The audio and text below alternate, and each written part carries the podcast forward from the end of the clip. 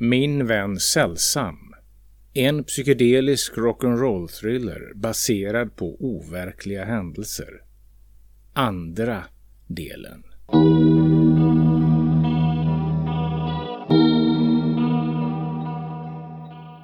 Ingela, rund, rödhårig och med fräknar, tog emot i domkyrkans annex.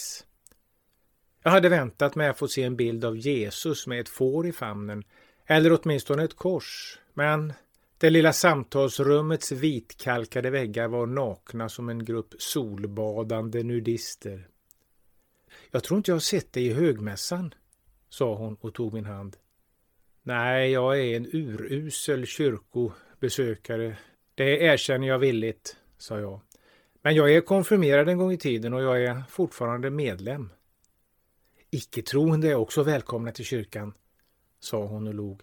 Ja, vi välkomnar även ateister och gudsförnekare, eller hedningar som vi skämtsamt sa på prästseminariet. Vi slog oss ner i varsin mjuk grön tygfåtölj. Mellan oss fanns ett runt bord. Ovanpå det stod en tänd lampa med keramikfot och ljusgul veckad skärm. Bredvid lampan låg ett exemplar av Bibel 2000. Ingela förklarade att hon hade tystnadsplikt och bad mig berätta om varför jag ville träffa henne. Min församlingspräst reagerade på ett sätt som jag inte hade väntat mig. Hon blev rädd. Medan jag berättade om det som hänt blev hennes ansikte allt blekare. De tidigare så framträdande fräknarna försvann. Den ena efter den andra slocknade, som när stjärnorna försvinner från natthimlen i gryningen. Till sist var huden blank och vit som nyfallen snö.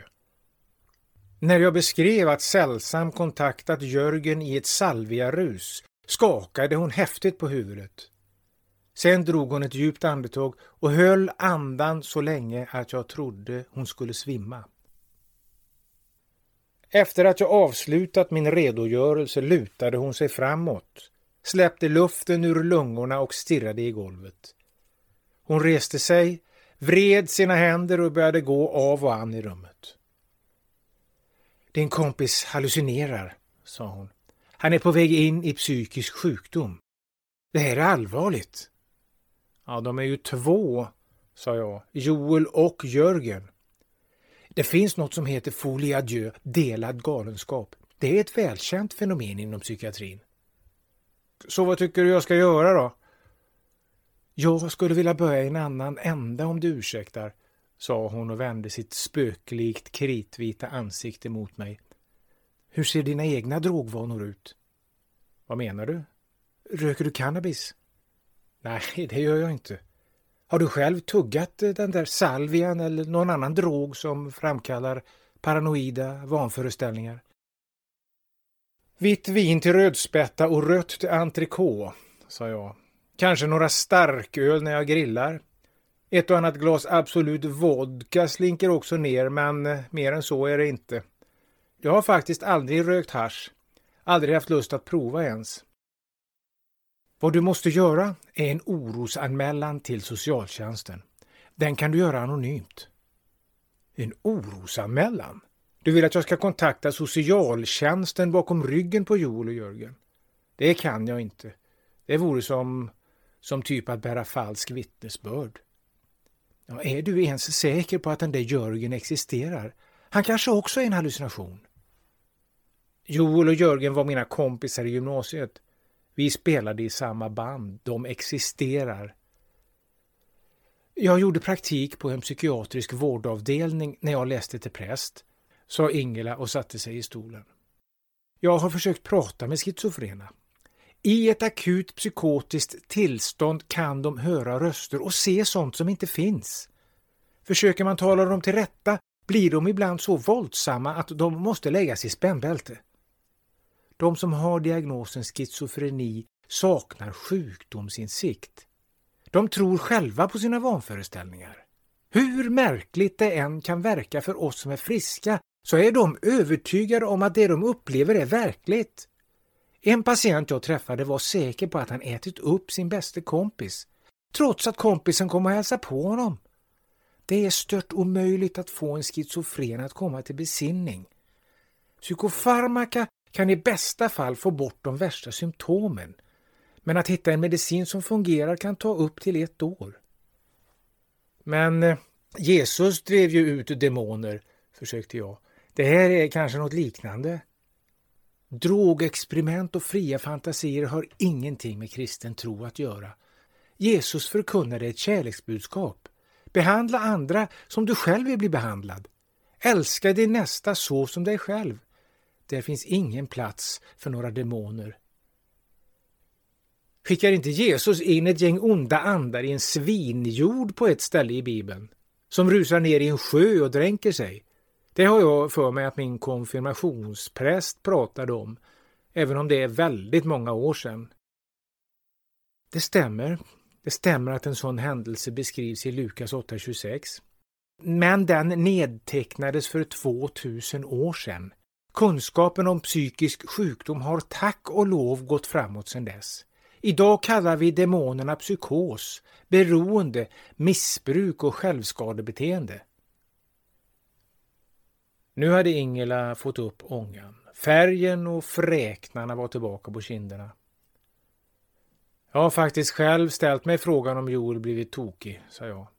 Men jag finner det uteslutet.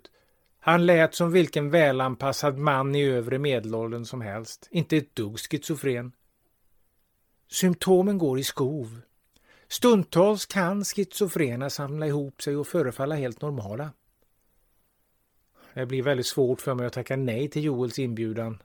Ja, det förstår jag. Du vill inte svika din vän. Men jag tycker du ska fråga dig själv på vilket sätt du bäst hjälper honom. Är det genom att bekräfta hans hallucinationer eller genom att se till att han får den hjälp han uppenbarligen är i behov av? Får Joel kontakt med psykiatrin kan han komma tillbaka. Han behöver medicin och han behöver lära sig att leva med sin sjukdom. I ett senare skede kan kommunen komma in i bilden. De har boendestödjare som kan besöka honom i hemmet. Kommunen kan också erbjuda daglig verksamhet. Nu för tiden kan även de som lider av schizofreni leva bra liv. Jag har tänkt på Sällsam nästan varenda dag sedan gymnasietiden. Nu har han hört av sig och vill träffa mig. Jag tycker du ska fråga dig varför din vän inte använder telefon, brev eller e-post om han så gärna vill ha kontakt med dig. Jag mötte Ingelas blick under tystnad. Från att i början av samtalet ha varit orolig var den nu skeptiskt granskande. Ingela sneglade på sitt armbandsur. Eh, tiden är ute, Martin. Vi måste avsluta för jag har snart ett nytt besök och jag måste dessutom förbereda en predikan. Vi reste oss båda. Jag önskar dig lycka till, sa hon och skakade min hand. Tugga för allt i världen inte de där örtbladen. Det är allt jag har att säga. När jag var på väg ut genom dörren sa Ingela skulle det vara okej okay att jag väver in ditt dilemma i min predikan på söndag? Jag tror det skulle kunna vara lärorikt för kyrkobesökarna att få ta del av det. Jag kommer givetvis inte att nämna dig vid namn. Jag borde satt ner foten. Jag borde högt och tydligt sagt ”kommer inte på fråga” och sen slängt igen dörren med en smäll. Men av någon obegriplig anledning hummade jag bara och nickade lamt med huvudet. Efter det själavårdande samtalet gick jag in i domkyrkan och satte mig i en bänk. Jag kände mig som en femåring som blivit bannad av fröken efter att ha släpat in en påtänd pundare till förskolans fruktstund. Ingela hade gjort alltsammans etter värre. I hennes värld var Joel tydligen psykiskt sjuk.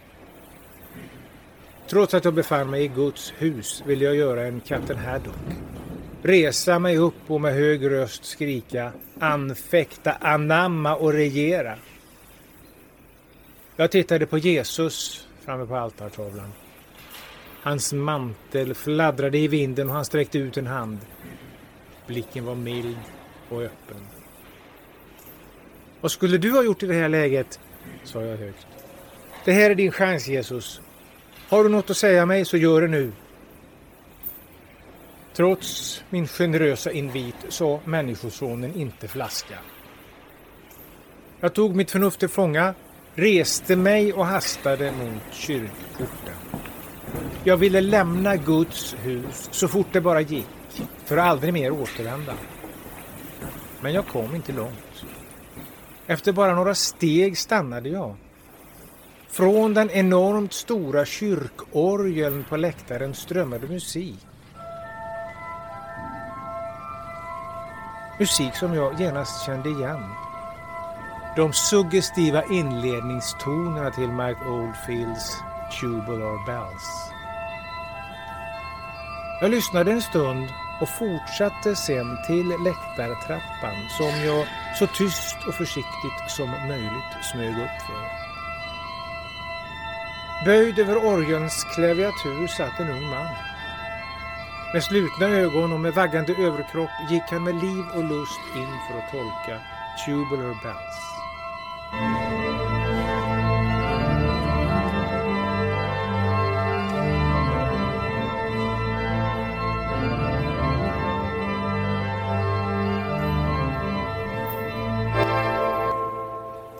När han avslutat första delen anade han min närvaro. Han vände på huvudet och tittade på mig. Han hade ett stort ljuslockigt hårburr, rak näsa och pigga ljusblå ögon. Tack ska du ha, sa jag. Det här var precis vad jag behövde. Tubular Bells finns på min tio bästa lista över musik som verkligen betytt något för mig. Ja, det är ett fantastiskt stycke musik. Är du kantor i församlingen? Kantor? Nej, inte alls. Jag bara övar här. Jag går på Musikhögskolan. Jag gör ett specialarbete om Tubular Bells. Mike Oldfield var bara 17 år när han komponerade musiken och han spelar alla instrument själv, sa jag. Albumet släpptes 73 och har sålts i 15 miljoner exemplar. Men det vet du förstås redan. Jag vet. Jag har läst det mesta om det som finns skrivet om albumet. Det märkligaste av allt är att Mike Oldfield mådde väldigt dåligt när han gjorde musiken. Han var djupt olycklig och rädd för livet. Det är hans egna ord. Han led av ångest och panikattacker. Och ändå är musiken så vacker och underfundig, det är nog rätt ord. Musiken är soundtrack till Exorcisten, fortsatte killen. Det är också konstigt. Oldfields musik passar dåligt i en så hemsk film. Jag har faktiskt aldrig sett den filmen. Max von Sydow spelar en exorcist som driver djävulen ur en ung tjej. Hon onanerar med ett krucifix och skriker ”Let Jesus fuck you” och går spindelgång nerför en trappa och en massa annat makabert. Om du vill drömma mardrömmar ett tag framöver så ska du se den. Annars inte. Jag har sett den massor med gånger och det ångrar jag verkligen. Det är en fruktansvärd film. Varför har du sett en film du inte gillar så många gånger? Jag var ihop med en tjej som älskade att kolla skräckfilm. Hon gjorde nästan inget annat på fritiden. Exorcisten var hennes favoritfilm. Jag ville inte verka mesig så jag såg den med henne. Hon hade nog sett den 200 gånger.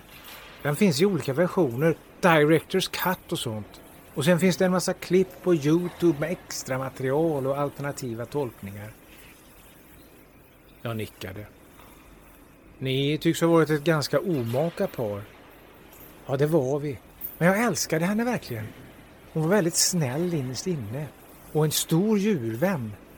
En gång när vi badade i havet kastade jag på skoj en blåmanet på henne. Då blev hon så arg att hon inte pratade med mig på en vecka. Hon var militant vegan och kunde inte ha ihjäl en mygga ens. För ett år sedan blev hon kär i en snubbe som spelade bas i Wet Skeleton, ett dödsmetallband, och gjorde slut med mig. Men jag tänker fortfarande på henne varje dag. Jag kan liksom inte få henne ur skallen. När saknaden plågar mig som värst måste jag sätta på Exorcisten en gång till, för den påminner mig om henne.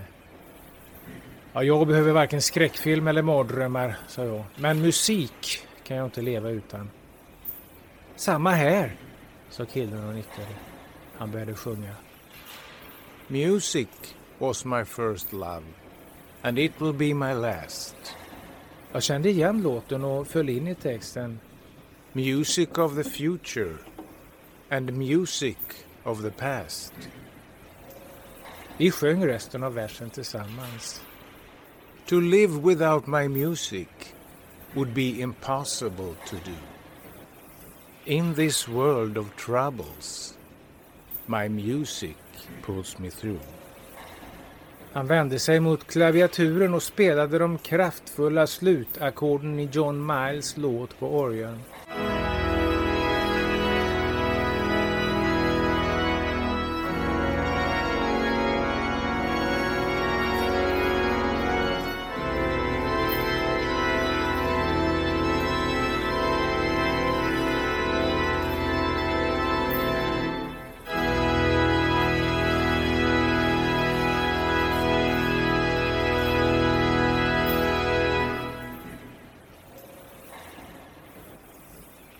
När tonerna klingat ut öppnade han ögonen och betraktade mig. Ansiktet sprang upp i ett stort leende. Vi såg på varandra en stund, som två lyckliga fån.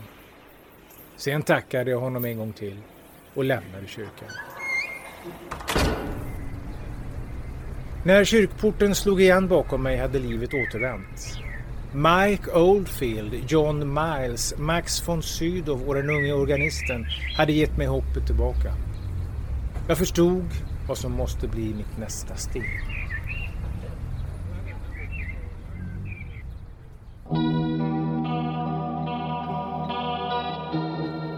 Bäste Mats Mårtensson Tack för ert brev och er ingående beskrivning av dilemmat ni hamnat i. Vi förstår mer än väl att det är svårt för er att hantera detta på egen hand. Era vänner har utan tvekan satt igång andliga krafter som de förlorat kontrollen över. För en mer omfattande rådgivning av en av katolska kyrkans exorcister krävs dock att ni konverterar till vår tro. Detta är en lång och eh, tålamodsprövande process och ni beskriver att ni har bråttom. Därför vill vi föreslå en alternativ väg. Det finns ett munkkloster inte så långt ifrån er bostadsadress. Vi råder er att träffa abboten där, fader Konrad. Han har stor erfarenhet av sånt ni berättar om i brevet. Ni har möjlighet att själv boka tid med fader Konrad via klostrets expedition som har öppet mellan 10 och 11 alla vardagar. Ni hittar numret nederst i detta brev. Katolska kyrkans kontaktcenter i Stockholm, som jag brevledes kontaktat, hade vänligheten att svara med vändande post. Jag hade aldrig nämnvärt brytt mig om att det fanns ett kloster på landet en bit utanför min stad, men eftersom Konrad var så nära en exorcist jag kunde komma kändes en utflykt dit naturlig. Att fråga denne abbot var något jag inte hade råd att missa.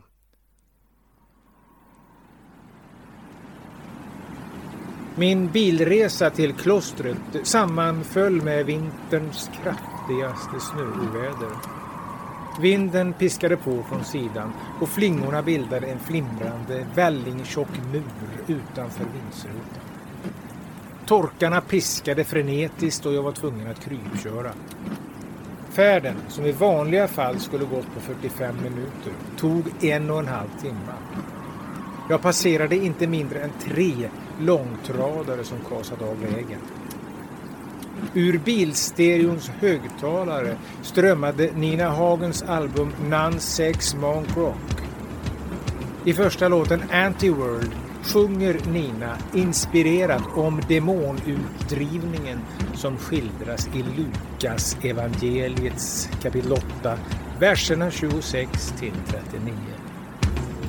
Once upon a time, when Jesus was walking down his way on earth, he met this man who was possessed by a demon.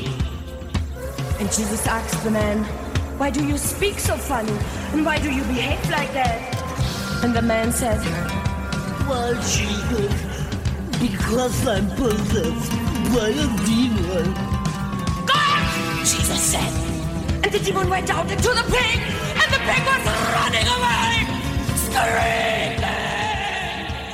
Jag hade stött på Ninas album när jag som en förberedelse inför mötet med Konrad googlade orden Jesus och exorcism. Jag hoppades att fader Konrad från sin katolska utgångspunkt skulle kunna ge mig några råd om hur jag bäst skulle hjälpa mina vänner. Snön låg djup innanför stenmuren som omgärdade tegelbyggnaden där klostret var inhyst. Nakna buskar och spaljer med vissnande växter vittnade om att detta sommartid var en prunkande trädgård. Efter att ha pulsat genom snön, klivit upp för en stentrappa och skjutit upp en mörkgrön trädörr befann jag mig i en stor hall. På långväggen framför mig hängde ett träkors med en korsfäste Kristus i naturlig storlek. Under honom sprakade en brasa i en öppen spis. I en stol vid ett massivt ekbord satt en ung man. Vattenkammad och prydligt klädd i vit skjorta och mörka byxor såg han ut som en klosternovis. Vilket han också presenterade sig som. Du måste vara Mats, sa han och tog min hand. Det stämmer, sa jag. Ursäkta min sena ankomst, jag var tvungen att krypköra. Novisen nickade. Fader Konrad väntar på dig uppe på vinden. Han ledsagade mig upp för trapporna till klostrets takvåning. Vi passerade en rad enskilda smårum där munkarna troligtvis bodde och bad. Dörren till en vindskupa stod på glänt och novisen visade in mig i den. Mats Mårtensson har anlänt, fader, sa han. Han föste mig över tröskeln och drog igen dörren bakom mig. Det lilla rummet hade snedtak, trägolv och synliga bjälkar. Väggarna var översållade med ikonbilder och krucifix. I taket hängde torkade blommor och kryddväxter vilka fyllde rummet med en påträngande men ändå angenäm krydddoft. Ett stort fönster vette ut mot trädgården. Genom det såg jag snöstormen rasa. Min bil utanför porten var redan rejält översnöad. Konrad reste sig inte ur skinnfåtöljen han satt i utan nöjde sig med att med en nickning anvisa mig plats i fåtöljen mitt emot hans. Han bar en korpsvart munksärk med ett tvinnat tagelsnöre runt den svällande buken. Den kortsnaggade gässan kompenserades av ett stort, grått och spretigt helskägg. Ögonen gnistrade och lyste i kapp med det stora silverkrucifix som prydde hans bröstkorg. Han utstrålade lugn, faderlighet, harmoni. Så snart jag satt mig sa han Välkommen Mats. Du kunde ta dig hit trots snöovädret. Ja, men jag fick krypköra. Ber om ursäkt för min sena ankomst. Över vädret råder bara vår Herre, sa Konrad och log. Han fortsatte. Jag har läst ditt brev. Har något nytt tillkommit sedan du skrev det? Nej, det har det inte. Ja, i så fall vill jag gå rakt på sak. Den onde har snärjt dem båda och den som råkat värst ut är Jörgen. Han är sannolikt besatt av en demon. En demon som kallar sig sällsam. Jag säger sannolikt, för när den onde är i farten är det alltid svårt att vara hundraprocentigt säker. Konrads röst var en smula trevande, men det fanns ingen osäkerhet i den. Han visste vad han pratade om. Jag hade förberett mig på att i lugn och ro få lägga ut texten om Sällsam, gymnasietiden och Joels telefonsamtal. Men Konrads rättframhet fick den planen att gå i stöpet. Jag har bara några enkla råd att ge dig, fortsatte abboten. Du ska bära ett kors runt halsen och du ska kräva att ni ber Fader vår tillsammans. Om Jörgen är besatt så kommer han att reagera. Även om han inte ser korset innanför din skjorta kommer han att börja svettas och han får svårt att prata sammanhängande. När du sen högt och tydligt läser Herrens bön kommer hans kropp att börja skaka. Förmodligen ganska kraftigt. Kanske tuggar han fradga, kanske klöser han sig själv, kanske attackerar han dig fysiskt. Konrad gjorde en paus, under vilken han tycktes leta efter min reaktion. När han förvissat sig om att jag var redo reste han sig ur fåtöljen, tog av sig krucifixet han bar runt halsen och höll upp det i luften framför sig. Du ska hålla upp korset framför dig som jag gör nu och med hög röst ropa Jag befaller dig i Jesu Kristi namn att fara ut ur Jörgen. Jesus är vägen, sanningen och livet. Han är med oss alla dagar in till tidens ände. Den onde är fullständigt maktlös inför hans ansikte. Demonen som kallar sig sällsam kommer att lämna Jörgens kropp. När den kryper ut ur någon av hans kroppsöppningar har den troligtvis formen av en fladdermus, hundvalp eller en luden spindel. Det är ofta en mycket obehaglig syn, men du behöver inte bli rädd. Du har den starkaste makt som finns på din sida, Jesus Kristus. När du närmar dig med korset går demonen upp i rök med en obetydlig puff. Den lämnar bara efter sig en skarp svaveldoft. Rummet var tyst. Jag hade en lång rad invändningar på tungan, men jag fick inte ur mig en enda. Konrads korthuggna råd och tydliga instruktioner lämnade ingen plats för dialog. Det här var en man som tyckte mer om att predika än att samtala. Konrad la krucifixet i min hand. Ta det här, sa han. Det är laddat med en mycket potent andlig kraft. Det har varit med mig på katolska mässor över hela världen. Jag bar det vid ett möte med påven i Vatikanen. Jag bar det vid Jesu grav i Jerusalem och när jag kysste den svarta madonnans hand i Montserrat. Jag låter det bada varje natt i vatten från den heliga källan i Lourdes. Tack, sa jag, men jag vet inte om jag kan... Jag vet inte om jag kan ta emot det här. Tro mig, om du träffar dina vänner utan det andliga skydd som korset ger dig så kommer du att råka mycket, mycket illa ut. Den onde snärjer dig och du blir aldrig mer densamme.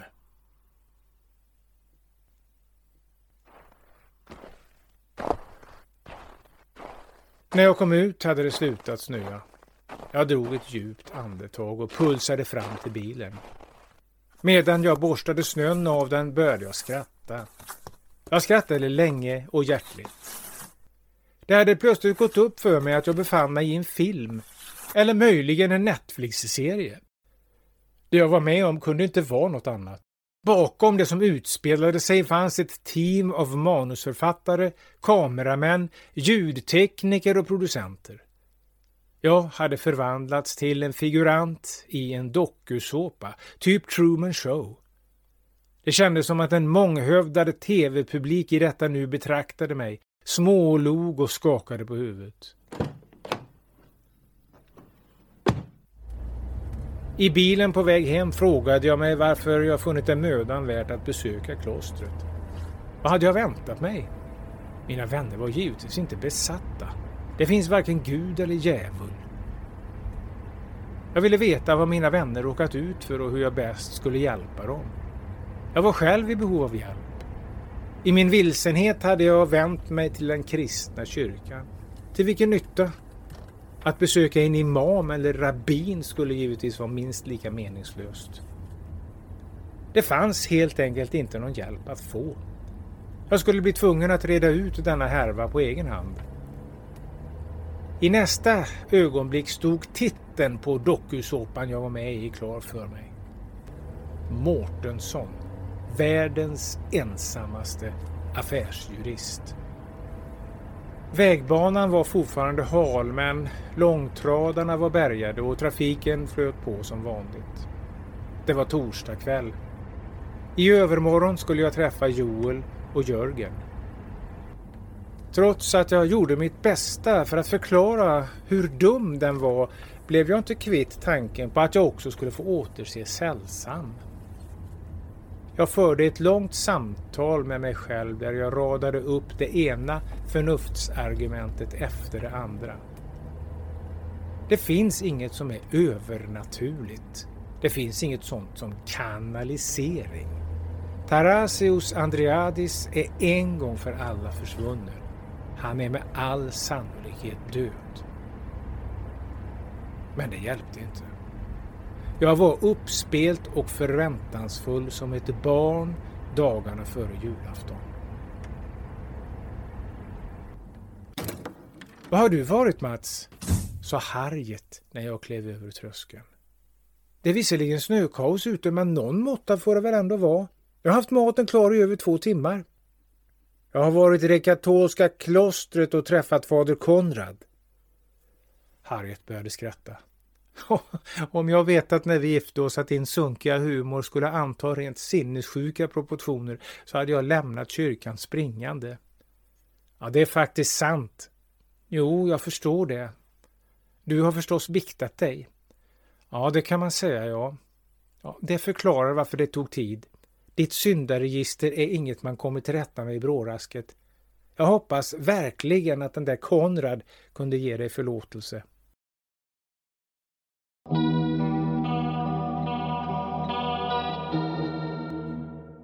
På perrongen stod en kort, knubbig man med rakad skalle och tre dagars skäggstubb.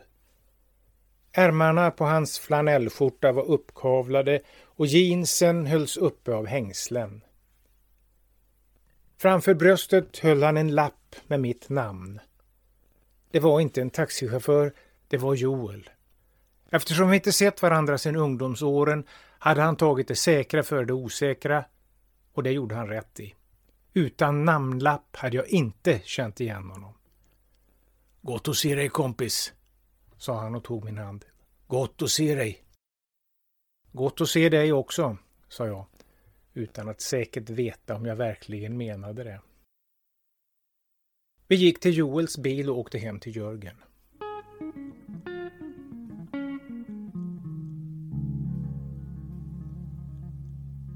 Det hade varit en ren njutning att lyssna på Jörgens gitarrspel när mekaniskt mörker jammade. Han var en gudabenådad musiker som rörde sig obehindrat mellan råa riff, energiska solon och sammetsmjuka slingor. Det var Jörgen som kom med nästan alla bandets låtidéer.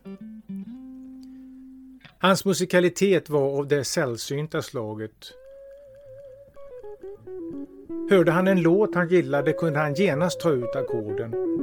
Hans huvudinstrument var gitarr, men han kunde åstadkommas med underverk även vid ett piano eller bakom ett trumset. Alla som hörde honom spela häpnade och överröste honom med beröm. Själv förstod han inte vad uppmärksamheten handlade om. Han gjorde ju inget särskilt. Gitarrspelandet var lika naturligt för honom som att klia myggbet på armen. Om han haft förmågan att disciplinera sig, fokusera och sträva mot ett mål hade han kunnat gå mycket långt som musiker eller kompositör. Musiklärare hade varit en annan möjlighet.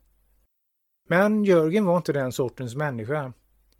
Jörgen var född under den säregna stjärna som David Bowie sjunger om på sitt sista album Black Star.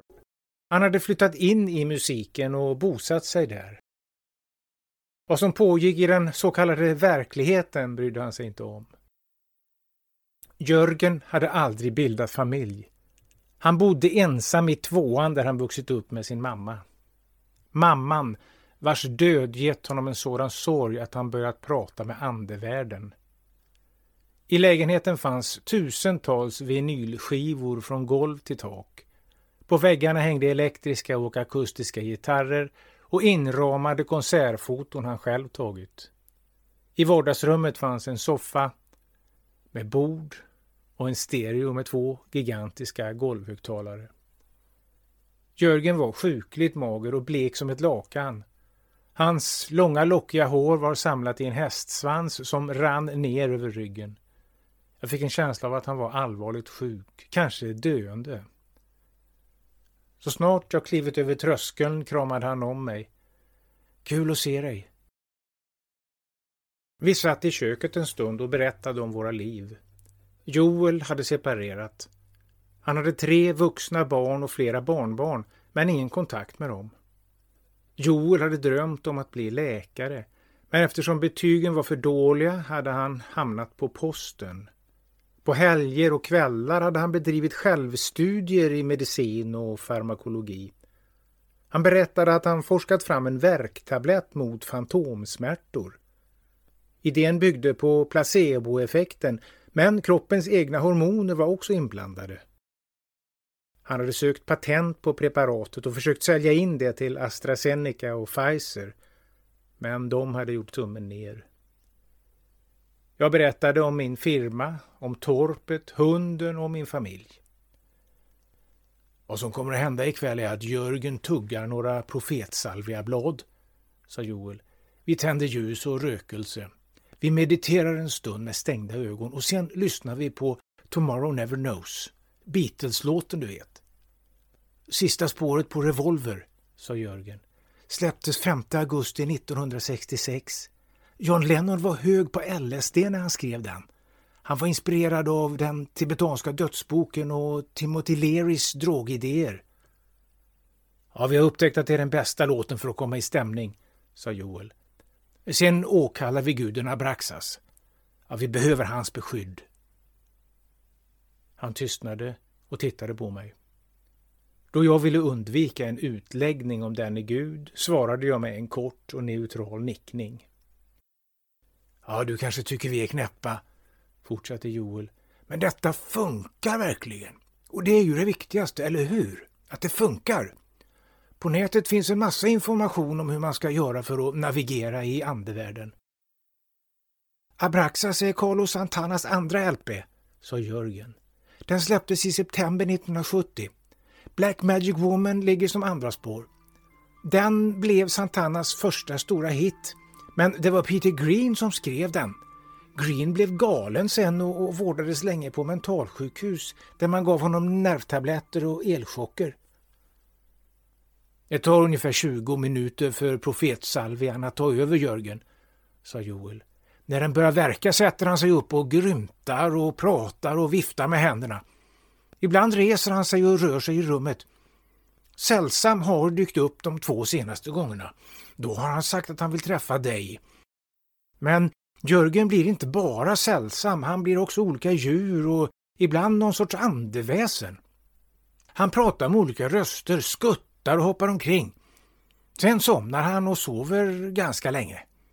När han vaknar har han glömt alltihop. De tittade på mig en stund. Vill du fråga något innan vi sätter igång? Kan vi, eh, sa jag och tvekade. Skulle det vara okej okay om vi ber Fader vår tillsammans innan vi börjar? Jag har inte blivit troende på gamla dagar om det är det ni tror, men det skulle kännas bättre för mig. Jörgen och Joel utbytte blickar. Helt okej okay för min del, sa Jörgen. Visst, nickade Joel. Men jag tror inte det kommer att göra varken till eller ifrån. Vi flyttade oss till vardagsrummet. Jörgen satte sig i soffan. På en röd sammetsduk framför honom på bordet låg de torkade salviabladen. Joel gick runt i rummet och tände stearinljus och rökelsestickor. Jag klev fram till fönstret. Det var mörkt ute. I husen mitt emot lyste blått flimrande ljus. Familjer hade samlats för att käka middag, dricka läsk och öl och titta på TV. Kanske på den nya spännande realitysåpan Mårtensson, världens ensammaste affärsjurist, som just nu via dolda kameror direktsändes från Jörgens lägenhet. Plötsligt ångrade jag att jag åkt till Ängberga.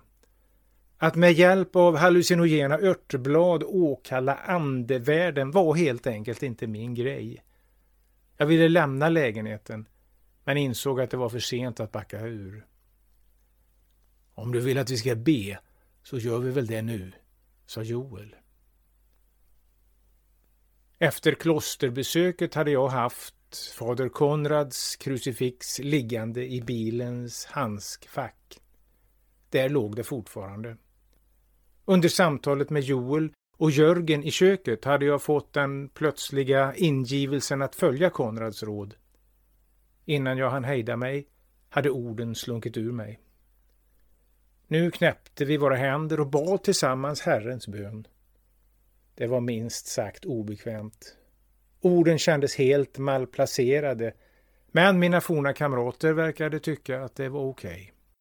Ingen av dem började tugga fradga och ingen demon syntes till. Efter vårt unisona Amen höll Jörgen sina öppna handflator över bladen och sa med gravallvarlig röst Som ett heligt sakrament inmundigar jag dessa blad. Jag låter örtens ande föra mig dit den vill. Må dess kraft inte skada mig eller någon annan. Han stoppade ett blad i munnen och började tugga. Efter en stund fyllde han på med ett par blad till. Sen la han sig ner på soffan och slöt ögonen. Käkarna fortsatte arbeta som om han haft munnen full med tuggummi. Jag och Joel satt i varsin fåtölj. Ur högtalarna strömmade Tomorrow Never Knows.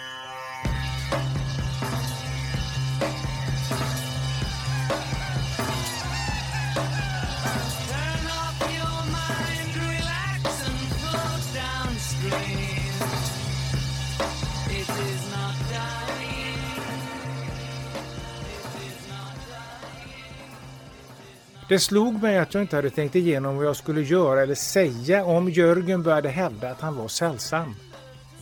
Jag sneglade på Joel. Han tittade tomt framför sig med halvslutna ögon. Den tunga doften av rökelse tillsammans med musiken och den allvarliga, närmast sakrala atmosfären försatte mig i ett drömliknande tillstånd. Känslan av overklighet var så stark att jag befarade att jag skulle tappa taget. Jag drog ett djupt andetag, höll andan och bet ihop käkarna så hårt jag kunde. Sen knöt och öppnade jag händerna rytmiskt en lång stund. Plötsligt, efter ungefär en kvart, reste sig Jörgen. Han stod mellan soffan och bordet. Kroppen vaggade fram och tillbaka han lyfte händerna mot taket och ropade Varanasi! Varanasi! Varanasi! Jörgen rasade tillbaka ner på soffan och började sprattla vilt med ben och armar. Sen kröp han ihop i fosterställning och gnydde som en plågad hund. Han la sig på mage med ansiktet i en kudde och skrek. Därpå knöt han nävarna och bankade dem hårt och intensivt mot soffdynan. Jag sneglade på Joel. Det är lugnt, sa han. Det är så här han brukar bete sig. Jörgen tystnade och låg stilla en stund. Sen satte han sig upp. De vidöppna ögonen stirrade rakt in i väggen. Han såg verkligen galen ut. Du är här, sluddrade han och lyfte handen till en hälsning. Du är här Mats. Tack gode Gud. Det var Sällsam som talade. Ingen tvekan om den saken. Jag kände igen hans tonfall och handgesten var även den klockren. Det var precis så han vinkade till mig varje morgon när vi möttes på skolgården. Jörgen fanns inte längre i lägenheten. Sällsam hade tagit över hans kropp. Långsamt vändes huvudet mot mig. De vilt uppspärrade ögonen stirrade rakt in i mina. Jag sa ingenting. Helt enkelt därför att jag inte visste vad jag skulle säga. Jörgen fortsatte glo på mig. Det kom inga ord ur hans mun på en lång stund. Jag tittade på Joel. Han såg upprörd ut. Säg någonting, väste han. Svara honom, annars kanske han försvinner.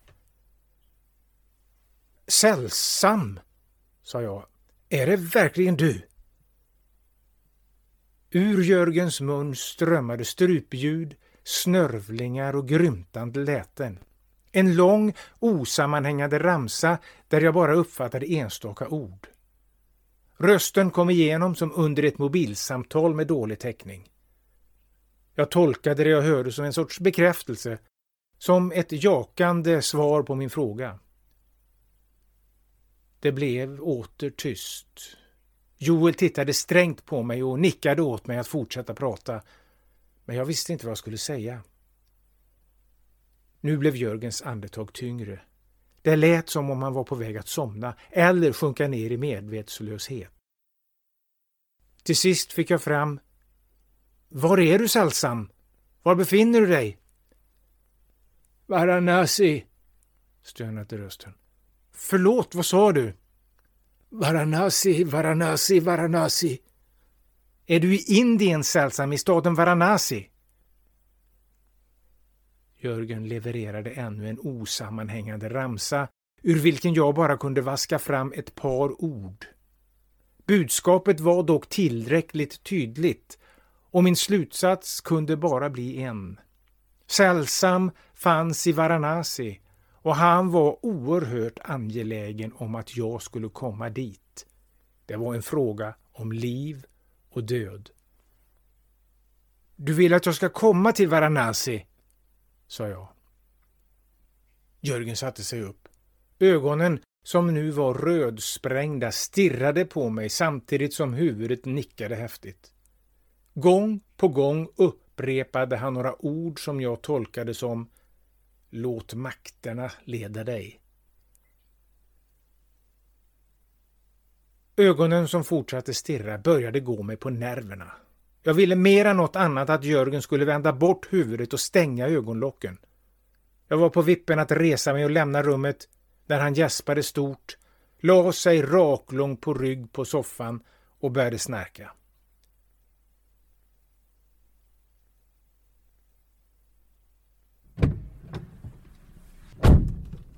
I bilen på väg till tågstationen sa Joel. Det var sällsam, eller hur? Det var utan tvekan han, svarade jag. Vi var tvungna att kontakta dig, det förstår du va? Jag förstår det. Vad tänker du göra? Ingenting. Ingenting? Vad menar du? Du kan väl inte svika Sällsam? Ja, det här är ert problem. Det är ni som har satt igång den här karusellen. Vi kunde väl inte veta att Sällsam skulle dyka upp? Nej, men den som säger leken ger får leken tåla. Ja, det är inte vårt problem längre. Det var vårt problem. Men nu är det ditt problem. Han frågar efter dig. Han ber för sitt liv. Det är dig han behöver. Jag svarade inte. Han frågar efter dig, Mats. Han ber för sitt liv. Du kan väl för i helsike inte svika honom? Vad tycker du jag ska göra? sa jag och märkte att min röst lät arg och irriterad. Joels frågor gick mig på nerverna. Vad tycker du jag ska göra? Joel svarade inte på en stund. Sen sa han Jazz. Jag tittade på honom. Vadå jazz? Vad menar du? Jag tycker du ska improvisera. Som vi gjorde i Mekaniskt mörker. Mekaniskt mörker spelade inte jazz, Joel. Vi spelade psykedelisk rock, det vet du lika bra som jag.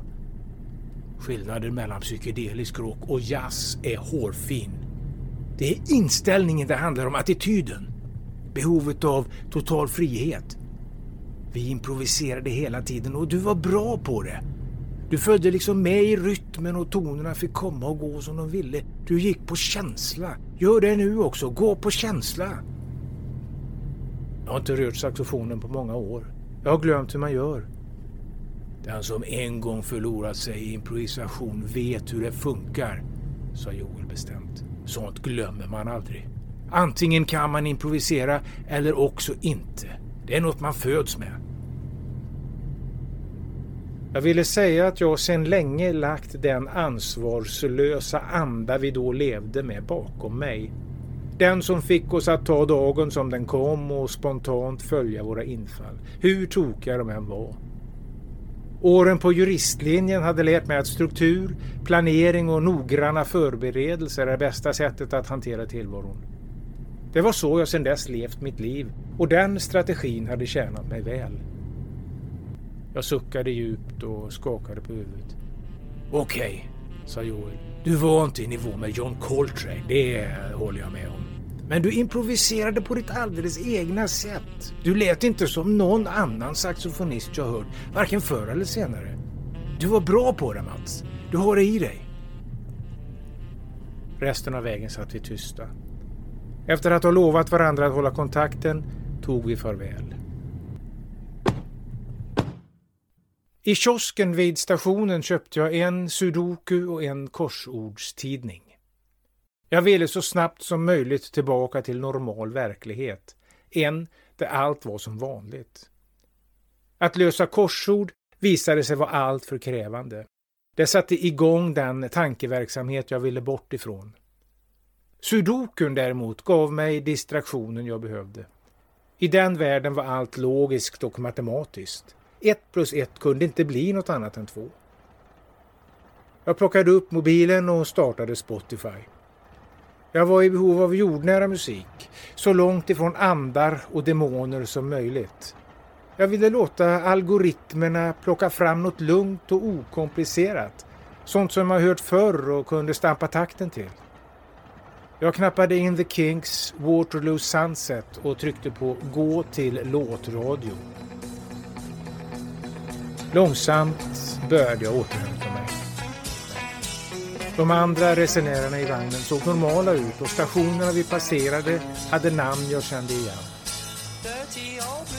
Jag trodde jag hade fast mark under fötterna. Men när Beatles-låten Magical Mystery Tour dök upp i hörlurarna välde de känslor jag försökte fly ifrån över mig med våldsam kraft. Jag befann mig inte i en tågvagn på väg hem till vardagen. Jag satt i den magiska mysteriebuss som Beatles sjöng om. Bussens förarplats var tom. Den var reserverad åt mig. Om jag inte klev fram och började hantera ratt och pedaler skulle den fara ut för ett stup och jag skulle krossas mot stenarna. Jag skulle visserligen fortsätta mitt jobb och mitt familjeliv men insikten om att jag svikit sällsam skulle äta mig inifrån och långsamt kväva mig till döds. Jag hade förklarat för Joel att jag inte tänkte göra någonting. Men det var bara ett fegt försök att komma undan. Jag hade verkligen pratat med min vän Sällsam. Han hade befunnit sig i rummet och han hade vädjat om hjälp. Joel hade givetvis rätt. Jag kunde inte svika honom.